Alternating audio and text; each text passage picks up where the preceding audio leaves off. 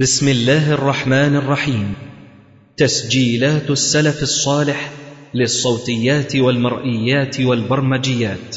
تقدم هذا الإصدار لفضيلة الشيخ الدكتور محمد إسماعيل.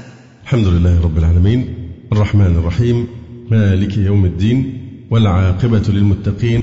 ولا عدوان إلا على الظالمين. وأشهد أن لا إله إلا الله وحده لا شريك له. وأشهد أن محمدا عبده ورسوله. اللهم صل على محمد النبي وأزواجه أمهات المؤمنين وذريته وأهل بيته كما صليت على آل إبراهيم إنك حميد مجيد. أما بعد فنشرع بإذن الله تعالى في تفسير السورة التاسعة والسبعين من سور القرآن الكريم وهي سورة النازعات. وتسمى سورة الساهرة والطامة وهي مكية وآيها ست وأربعون آية. يقول الله تبارك وتعالى بسم الله الرحمن الرحيم. والنازعات غرقا. والنازعات الواو واو القسم. والنازعات هنا الملائكة. تنزع الأرواح من الأجساد. وقيل تنزع أرواح الكفار. نسأل سؤال ما الذي ألجأ الجلالة المحلي إلى أن يفسر والنازعات غرقا؟ بأنها الملائكة تنزع أرواح الكفار. غرقا اللي هي نزعا بشدة.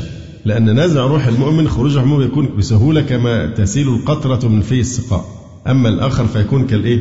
السفود إذا نزع من الصوف المبلل. نعم. لكن بعض المفسرين قالوا النازعات هي الملائكة تنزع الأرواح من الأجساد. المحلي يقول تنزع أرواح الكفار غرقا أي إغراقا فهي مصدر محذوف الزيادة كالسلام مع التسليم. غرقا أي نزعا بشدة من أقاصي الأجساد. والناشطات نشطا الملائكة تنشط أرواح المؤمنين أي تسلها برفق. والناشطات نشطا الملائكة تنشط أرواح المؤمنين يعني تسلها إيه؟ برفق. فده في مقابلة أن النازعات غرقا تنزع أرواح الكفار بشدة. أما النشطات نشطا فهي الملائكة تنشط أرواح المؤمنين يعني تسلها برفق. وطبعا في هذه الأشياء تفسيرات كثيرة لكننا نقتصر على ما ذكره المحلي في الغالب. والسابحات سبحة أي الملائكة تسبح من السماء بأمره تعالى أي تنزل. فالسابقات سبقا هي الملائكة تسبق بأرواح المؤمنين إلى الجنة. فالمدبرات أمرا. ما إعراب أمرا؟ أيوة فالمدبرات أمرا يبقى مفعول به الإيه الاسم الفاعل. فالمدبرات أمرا. هي الملائكة تدبر أمر الدنيا أي تنزل بتدبيره. وجواب هذه الأقسام محذوف. أي لتبعثن يا كفار مكة وغيرها. وهو عامل في يوم ترجف الراجفة. يعني لتبعثن يوم ترجف الراجفة. والرجفة هي الزلزلة.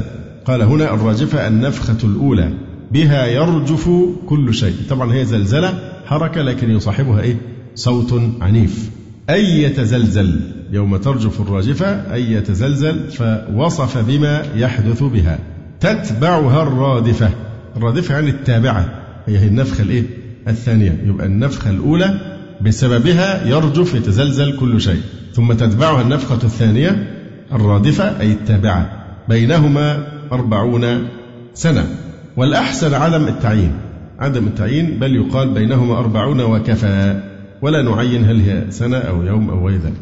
والجملة حال من الراجفة. تتبعها الرادفة حال من الراجفة. فاليوم واسع للنفختين وغيرهما فصح ظرفيته للبعث الواقع عقب الثانية. قلوب يومئذ واجفة أي خائفة قلقة. أبصارها خاشعة. ذليلة لهول ما ترى. أبصارها. طيب ها تعود إلى إلى ماذا؟ أبصارها. قلوب. أبصارها يعني أبصار القلوب إيه؟ خاشعة. فأضيفت الأبصار إلى القلوب على حذف مضاف. يعني أبصار أصحابها خاشعة. أبصار أصحاب هذه الإيه؟ القلوب. أبصارها أي القلوب. فالمقصود أبصار أصحاب القلوب. خاشعة ذليلة لهول ما ترى. يقولون أي هم يقولون أرباب القلوب والأبصار يقولون استهزاء وإنكارا للبعث. أئنا لمردودون في الحافرة. أئنا الهمزة للاستفهام الإنكاري. لأنهم أنكروا الرد أنكروا البعث والنشور. أئنا لمردودون؟ هنرجع تاني للحياة؟ أئنا لمردودون في الحافرة؟ أئنا بتحقيق الهمزتين وتسهيل الثانية وإدخال ألف بينهما على الوجهين في الموضعين وتركه. فإن لمردودون في الحافرة في معنى إلى. في الحافرة يعني إلى الحافرة أي أن نرد بعد الموت إلى الحياة.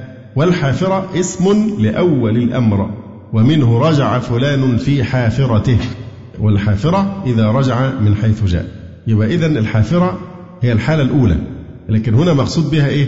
الحياة بعد الموت. يقال رجع فلان في حافرته. يعني في طريقه التي جاء فيها. يعني جت إزاي هي؟ إن واحد أتى في طريق في الرمل مثلا أو الطين أو كذا فأتى في هذا الطريق. ثم رجع في طريقه التي مشى فيها فلأنه تكرر تردده على الطريق راح وجه رجع في حافرته. فرجله هتأثر في الرمل إيه؟ أكثر. فتحفر فيها حفرا بآثار أقدامه. إذا رجع من نفس الطريق التي إيه؟ الأولى التي كان فيها. ده معنى الحافرة. هي جاءت من هنا. فيقال رجع فلان في حافرته. يعني في طريقه التي جاء فيها. فحفرها أي أثر بمشيه فيها. وجعل أثر قدميه إيه؟ حفرا حفرا لأنه تكرر المشي عليها. وقيل حافرة كما قيل عيشة راضية. في عيشة راضية يعني إيه؟ مرضية. فكذلك حافرة يعني محفورة أو منسوبة إلى الحفر. زي عيشة راضية يعني منسوبة إلى الرضا.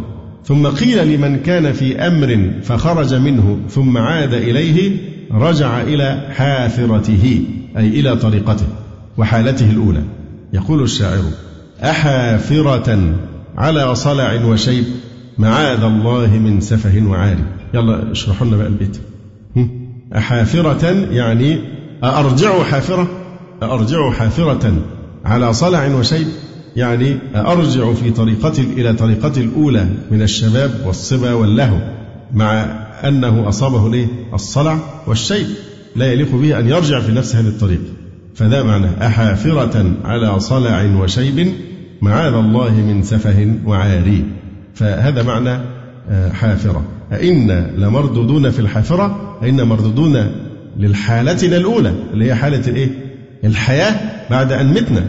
فهم هنا ينكرون البعث والنشور والعودة إلى الحياة. أإذا كنا عظاما نخرة يعني هنا إذا كنا عظاما نخرة أإذا كنا عظاما بالية نرد ونبعث مع كوننا أبعد شيء عن الحياة؟ نصير عظاما نخرة ونعود في الحافرة؟ يعني في حالتنا الأولى وهي الحياة بعد أن صرنا عظاما نخرة؟ فإذا كنا عظاما بالية نرد ونبعث مع كوننا أبعد شيء عن الحياة. وفي قراءة إذا كنا عظاما ناخرة بالية متفتتة نحية قالوا تلك إذا كرة خاسرة. هذا الكلام في استئناف. قالوا تلك أي رجعتنا إلى الحياة. وردتنا إلى الحافرة. تلك إذا يعني إن صحت كرة خاسرة. كرة يعني رجعة خاسرة ذات خسران. قالوا ذلك استهزاء. يسخرون. ده إحنا لو بعثنا تاني ده إحنا نبقى خسرانين خسارة شديدة يعني. فدي نوع من الإيه؟ السخرية والاستهزاء ممن يخبرهم بالبعث والنشور. قالوا تلك أي رجعتنا إلى الحياة والرد في الحافرة. إذا إن صحت إذا حرف جواب وجزاء لا عمل لها. جيء بها لإفادة تأكيد الرجعة الخاسرة. تلك إذا إن صحت كرة أي رجعة خاسرة. فقوله تعالى قالوا تلك إذا كرة خاسرة هذا كلام مستأنف مسوق لحكاية كفر آخر متفرع على كفرهم السابق. قالوا تلك إذا كرة خاسرة ذات خسران قالوا ذلك استهزاء. قال تعالى فإنما هي زجرة واحدة فإذا هم بالساهرة. فإنما هي الفاء متعلقة بمحذوف معناه لا تستصعبوها. لا تستصعبوا الإيه؟ الرجعة في الحافرة أو الرد أو الرجوع كر والرجعة.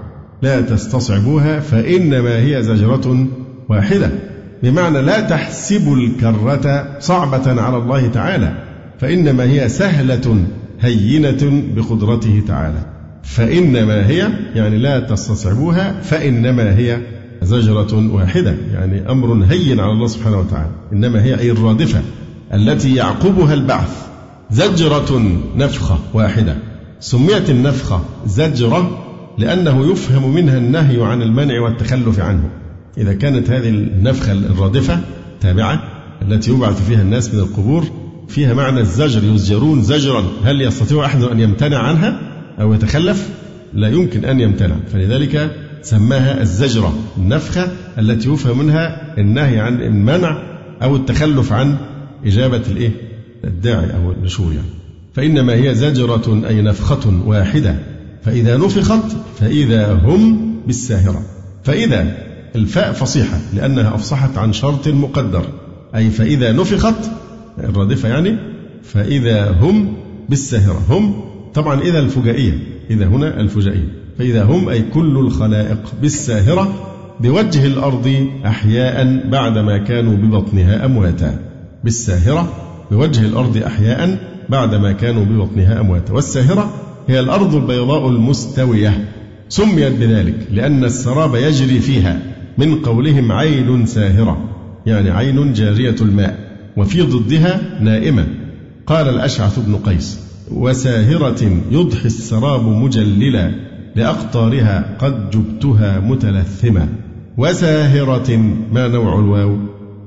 وليل كموج البحر أرخى سدوله. واو رب. وساهرة يعني رب مفازة يسترها النهار بسراب. وساهرة يضحي السراب مجللا لأقطارها قد جبتها متلثما فوصفت الأرض بالسهر لأن السائر فيها ساهر لا ينام خوف الهلكة.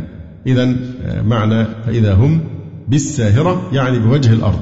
أحياء بعدما كانوا ببطنها أمواتا. هل أتاك حديث موسى؟ هذا كلام مستأنف. مسوق لتسلية رسول الله صلى الله عليه وسلم على تكذيب قومه له. هل أتاك حديث موسى؟ هل هنا بمعنى إيه؟ قد أتاك يا محمد صلى الله عليه وسلم حديث موسى فحديث موسى عامل في قوله تعالى إذ ناداه ربه بالوادي المقدس طوى. يبقى كلمة إذ يبقى هل أتاك حديث موسى؟ إذ. طبعا يبقى إذ تتعلق بإيه بقى؟ أتاك إذ ولا حديث موسى إذ أه تتعلق بحديث موسى وليس بأتاك لاختلاف وقتيهما الوقت الإتيان الإيحاء للرسول صلى الله عليه وسلم بهذه القصة غير وقت الحدث نفسه حديث موسى. فإذا إذ تتعلق بإيه؟ بكلمة حديث موسى. هل أتاك حديث موسى؟ إذ. يبقى حديث موسى إذ. إذ ناداه ربه بالوادي المقدس طوى. طبعا طوى بدل. وطوى اسم الوادي إما تقرأ طوى بالتنوين أو بتركه طوى. فقال له اذهب إلى فرعون إنه طغى. إنه طغى تعليل للأمر بالذهاب إلى فرعون. إنه طغى أي تجاوز الحد في الكفر. فقل هل لك إلى أن تزكى؟ فقل هل لك. طبعا هي هل هنا حرف استفهام. معناه العرض لاستدعائه بالملاطفة والملاينة والمداراة ففيها نوع من الرفق بفرعون. مع أنه أتى بهذا الكفر الأعظم لكن انظر إلى كيف أن الله سبحانه وتعالى يأمر خير الخلق في زمنه وهو موسى أو خير البشر في أمة بني إسرائيل وهو موسى عليه السلام. بيخاطب مين؟ شر الناس في عصره وهو فرعون الذي قال أنا ربكم الأعلى وقال ما علمت لكم من إله غيري ومع ذلك قال إيه؟ أمره بالتلطف فقول له قولا لينا لعله يتذكر أو يخشى بعض الناس تعتبر أن الرفق والملاينة في دعوة المدعو نوع من الضعف والخور فلذلك يميل إلى الغلظة والقسوة والفظاظة فينفر الناس لكن إذا هل أتى أحد بشيء أفظع مما أتى به فرعون ومع ذلك الله سبحانه وتعالى أرسل له رسولين وقال لهما إيه؟ فقولا له قولا لينا لعله يتذكر أو يخشى. لماذا؟ لأن الهدف هنا واضح. الهدف هو فعلا دعوته إلى الحق والحرص على دخول في دين الحق. وليس الهدف التعالي عليه أو بيان أنه جاهل وفاسق وفاجر ومنحرف وكذا وكذا. الهدف هو تليين قلبه لينقاد إلى الحق. فحتى لم يقل له تعال أزكيك. وإنما قال هل لك إلى أن تزكى؟ فنسب التزكية إلى أن الفعل هيكون هو مين؟ فرعون. تزكى أنت. وشوف التلطف في كلمة هل لك في غاية الملاينة والمداراة والتلطف. فالرفق في الدعوة أصل أصيل في الدعوة وليس آه، علامة ضعف بل هو علامة قلة فقه الآمر بالمعروف أو النهي عن المنكر إذا عمد إلى العنف وعدل عن الرفق. فما كان الرفق في شيء إلا زانه وما نزع من شيء إلا شانه. وهذا الأدب يحتاج لقدر من التفصيل الكبير خاصة لمن يأمر بالمعروف أو ينهى عن المنكر. هل لك؟ يعني هل لك رغبة؟ يبقى إيه بقى؟ يبقى آه، رغبة مبتدأ مؤخر ولك إيه؟ خبر مقدم. هل لك؟ هل لك؟ أدعوك إلى أن تزكى وفي قراءة إلى أن تزكى بتشديد الزاي. يعني تتطهر من الشرك بأن تشهد أن لا إله إلا الله. وأهديك إلى ربك أدلك على معرفته ببرهان هداية ببرهان وبأدلة وأهديك إلى ربك فتخشى يعني فتخافه عز وجل. فجعل أولا الهداية غاية الهداية وأقواها بتوصل إلى الإيه؟ الخشية. فجعل الخشية غاية للهداية لأنها ملاك الأمر وجماع التقوى. ومتى خشي الإنسان ربه لم يصدر عنه إلا الخير. وأهديك إلى ربك فتخشى. الهداية تترقى بك إلى وصول مرتبة مرتبة الإيه؟ الخشية والخوف من الله سبحانه وتعالى. فأراه الآية الكبرى يعني فذهب موسى إلى فرعون. فذهب فأراه الآية الكبرى. ما إعراب الآية؟ مفعول به ثان. فأراه الآية الكبرى من آياته التسع وهي اليد أو العصا. فكذب وعصى. يعني فكذب فرعون موسى وعصى الله تعالى. ثم أدبر يسعى. ثم أدبر عن الإيمان. يسعى. ما أعرب يسعى؟ حال. يسعى في الأرض بالفساد. فحشر فنادى. جمع السحرة وجنده فنادى. فقال أنا ربكم الأعلى. أي لا رب فوقي. فأخذه الله. يعني أهلكه. فأخذه الله أهلكه بالغرق. نكال الآخرة والأولى. نكال عقوبة الآخرة والأولى. فنكال مفعول مطلق يعني أخذه الله أخذ نكال الآخرة والأولى. الكلمة التي قالها في الأول والكلمة التي قالها في إيه؟ في الآخر. أما الآخرة فهي هذه الكلمة وهي قوله أنا ربكم الأعلى.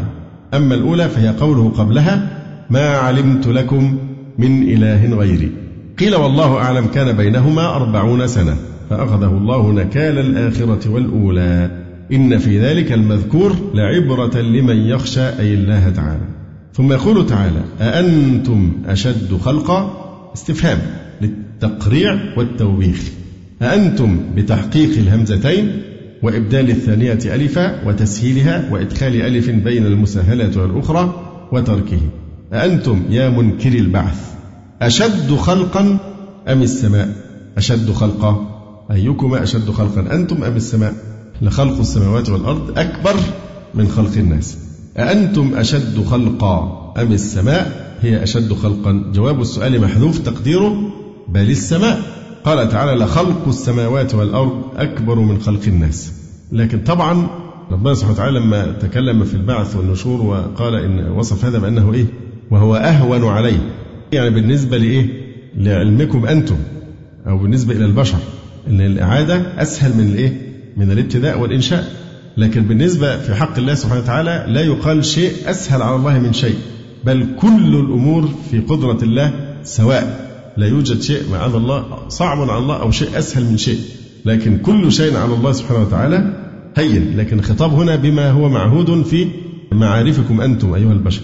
أنتم أشد خلقا أم السماء بناها؟ بيان لكيفية خلقها. رفع سمكها فرفع بدل من إيه؟ من بناها. رفع سمكها فهنا تفسير لكيفية البناء. أي جعل سمتها في جهة العلو رفيعا وقيل ثخنها وغلظها أي جعلها سميكة وقيل سمكها سقفها. يقال سمك الله السماء يعني رفعها. مين يجيب بشاهد بقى من كلام الفرزدق؟ إن الذي سمك السماء بنى لنا بيتا دعائمه أعز وأطول. رفع سمكها فسواها جعلها مستوية ملساء ليس فيها ارتفاع ولا انخفاض بلا عيب فسواها.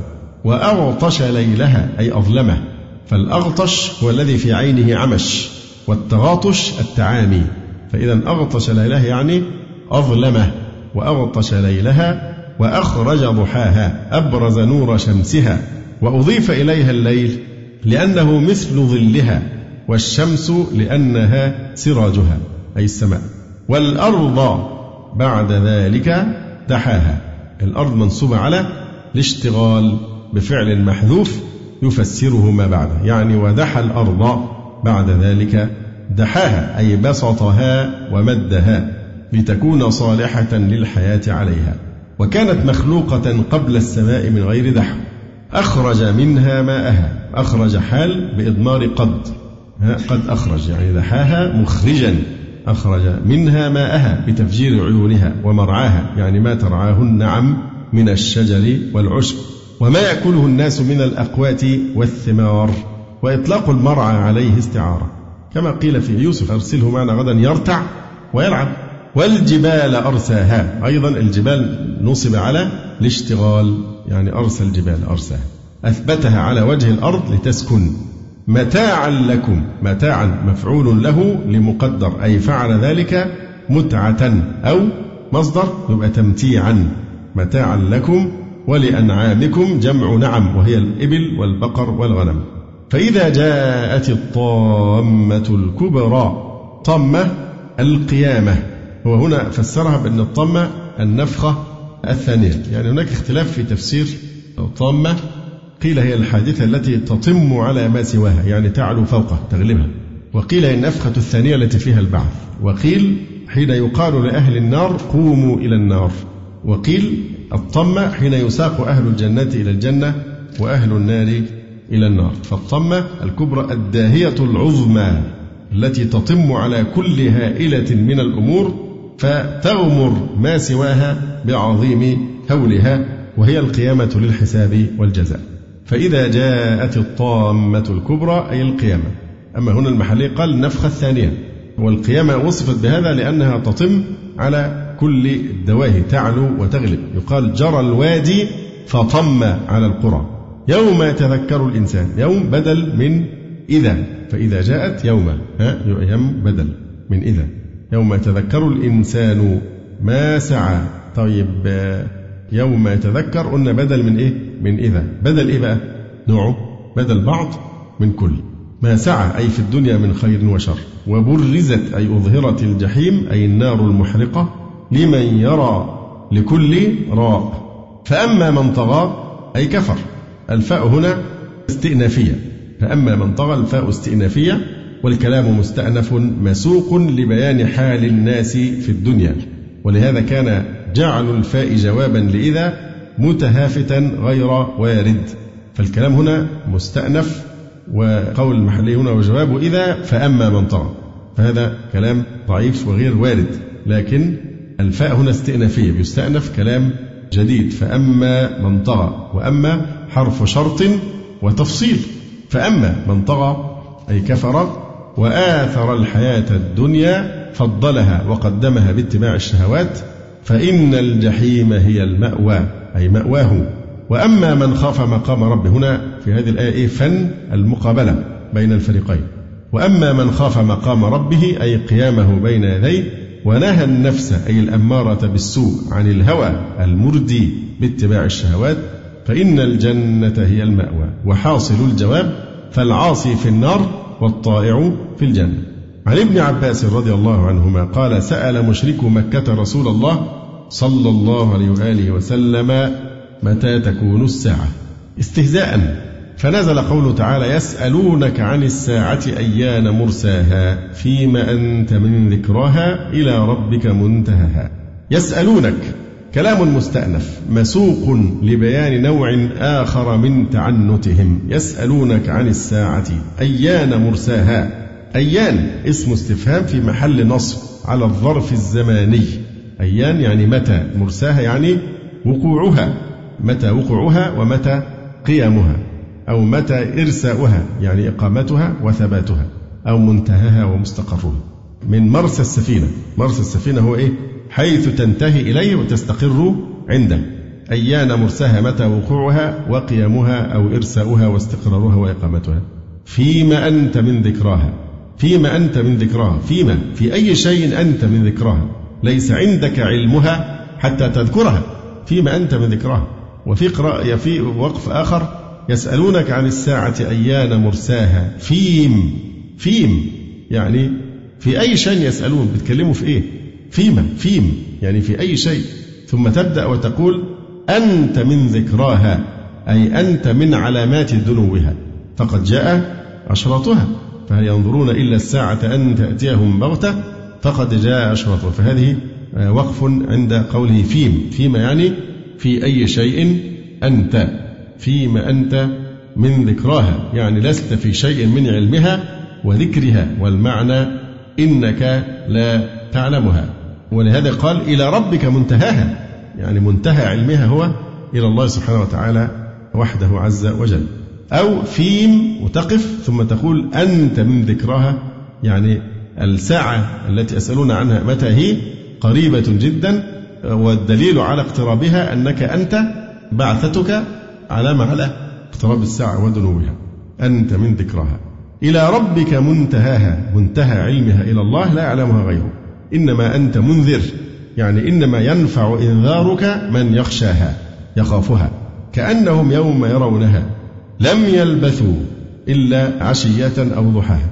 كأنهم يوم يرونها لم يلبثوا في قبورهم إلا عشية أو ضحاها. عشية يوم أو بكرته وصح إضافة الضحى إلى العشية لما بينهما من الملابسة إذ هما طرفا النهار. وحسن الإضافة وقوع الكلمة فاصلة. فاصلة يعني رأس آية. فتناسب رؤوس الآية قبلها. يسألونك عن الساعة أيان مرساها. ها ألف نهاية الإيه؟ كل آية. فيما أنت من ذكراها إلى ربك منتهاها إنما أنت منذر من يخشاها. كأنهم يوم يرونها لم يلبثوا إلا عشية أو ضحاها. أقول قولي هذا وأستغفر الله لي ولكم. سبحانك اللهم ربنا وبحمدك أشهد أن لا إله إلا أنت أستغفرك وأتوب إليك. جزى الله فضيلة الشيخ خير الجزاء ونسأل الله جل وعلا أن يرفع مكانة الشيخ في المهديين وأن يجعله علما من أعلام الهدى والدين. ولا تنسونا وتنسوا الشيخ من دعوة صادقة بظهر الغيب. وتقبلوا تحيات إخوانكم في تسجيلات السلف الصالح بالإسكندرية. هاتف رقم صفر ثلاثة فاصل أربعة تسعة أربعة سبعة ستة خمسة اثنان والتليفون محمول صفر عشرة واحد ستة أربعة واحد تسعة ثمانية صفر والسلام عليكم ورحمة الله وبركاته